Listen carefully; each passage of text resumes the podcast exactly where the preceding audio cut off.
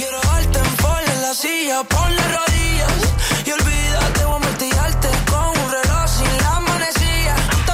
Aquesta és una de les cançons que ha triat Alexia, per exemple. Alexia Putelles, a Spotify, hi ha llistes de Lewandowski, d'Alexia, d'Oshoala, Pedri. Són les Match Day Songs. No trien cap cançó en català, ho he repassat. És un dels èxits del moment de l'últim disc molt arriscat de Rou Alejandro. Costa trobar les tornades i, de fet, crec que s'ha de començar a canviar tornada pels 15 segons que es trien per TikTok.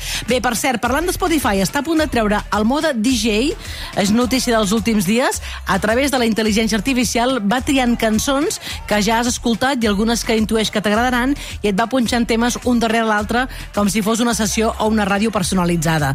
Dilluns i dimarts es va fer el Saló 7 del Mobile World Congress l'Sport Tomorrow Congress. Allà hi van veure el pilot andorrà Albert Llo- Llobera, Bojan Kirkic, es va parlar de salut mental i també de dades, és el Congrés de Tecnologia del Barça, i finalment allà van poder entrevistar Jordi Montpart, ell és el director d'Investigació, Recerca i Analítica del Barça. De quina manera s'aplica la intel·ligència artificial al futbol? Jo et diria que té dues importàncies la intel·ligència artificial. Una és la seva capacitat predictiva, però l'altra és l'automatització de processos que, diguem, eh, si fossin persones, requeririen o moltes persones o molts recursos en termes de temps. Llavors, en el cas del futbol, el, la intel·ligència artificial eh, necessita nodrir-se primer de dades. Hi han dos tipus de dades. Les dades que es diuen de vent, que t'expliquen el futbol pas a pas, vale? el, a partir de les dades de les imatges que surten a televisió, i després les dades de tracking, que són aquestes dades que tenim, el que són aproximadament eh, les dades dels 22 jugadors, 25 vegades per segon i amb resolució de 10 centímetres. I amb tot aquest conjunt de dades, la intel·ligència artificial és capaç de reconèixer patrons i millorar el coneixement que tenim del futbol. Suposo que deu ser una informació una mica secreta, però, per exemple, la intel·ligència artificial que apliqueu al Barça ha arribat a dir quin jugador es lesionaria? A veure, la intel·ligència artificial en el Barça l'estem utilitzant en diferents àmbits. Un és el rendiment físic, entendre, diguem, per exemple, quines són les càrregues que hi ha en, les, en els entrenaments i quina correlació té amb la performance, el rendiment del jugador durant un partit. I, evidentment, això està connectat amb, amb la predicció de lesions i amb l'evolució d'aquestes lesions. I això s'està treballant, però, evidentment, és confidencial. I d'altra banda, també, una de les coses que sorprenen, això es pot més, més o menys entendre, però clar, a l'hora de dir, va, anem a fer aquest fitxatge, de posar totes les dades, tot el recorregut que té aquest jugador i pensar, sí que ens interessa, sí que va en el nostre sistema, això també ho podria decidir una màquina? A veure, les màquines ajuden moltíssim a l'hora de treballar les dades i obtenir coneixement patrons d'aquestes dades. I, evidentment, s'està utilitzant per l'escouting, eh, per de, decidir quin és el millor jugador.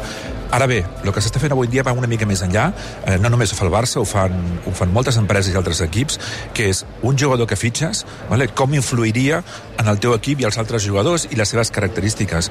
No, en l'escouting no ens hem de fixar només en les característiques del jugador que fitxem, sinó com aquest jugador després treballarà, eh, s'ajuntarà, s'associarà amb la resta de jugadors i com els afectarà.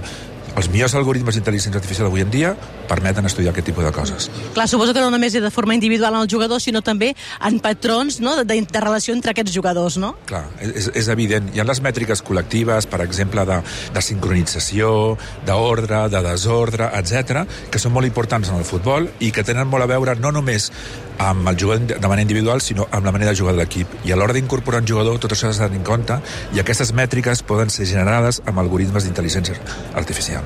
Bé, tu vens del món de la universitat, que m'explicaves abans que això, que expliques la quàntica també.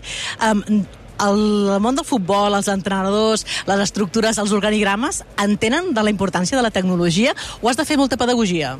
A veure, la, tecnologia és molt important, to- tothom sap que és molt important, necessita el seu temps de maduració i evidentment cal fer molta pedagogia i a poc a poc l'anem incorporant a diferents àmbits del club.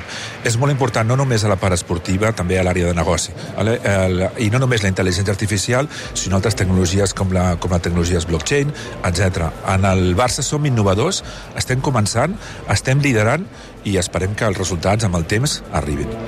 El Barça us heu apuntat això, una de les lligues més potents amb això és la Premier, no? que hi ha diversos equ- equips que ho fan servir. I explica'ns una mica, ara estàs a punt d'entrar en una xerrada, uh, que hi haurà també, per exemple, l'Esteban Granero, que ell també té una empresa, de, bueno, un partner d'intel·ligència artificial aplicada al futbol. Explica'ns una mica com anirà aquesta xerrada, per acabar. En aquesta xerrada tindrem el, tres especialistes, el Javier Martín Buldú, que és especialista en el que s'anomena el futbol complex, mètriques col·lectives, el tindrem també en el Esteban Granero, que és especialista en l'ús de la intel·ligència artificial en temes de scouting, i tindrem la Diarra Casens a DeepMind, que ells són especialistes en visió per computació i en extreure dades eh, directament de vídeo que poden ser rellevants pel futbol.